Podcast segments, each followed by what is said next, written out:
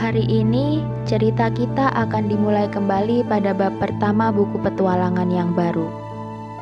Bukan, bukan berarti kita akan melupakan buku yang kemarin.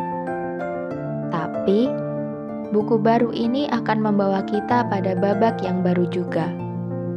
Karena sejatinya, bergantinya buku tidak akan mengubah kisah yang telah tertulis sebelumnya. Jadi, sekarang kita isi buku baru ini dengan rangkaian kisah-kisah yang terindah, agar nantinya buku tahun ini bisa terkenang dan melekat di hati para pembacanya. Tetap sehat dan selalu bahagia ya. Selamat tahun baru!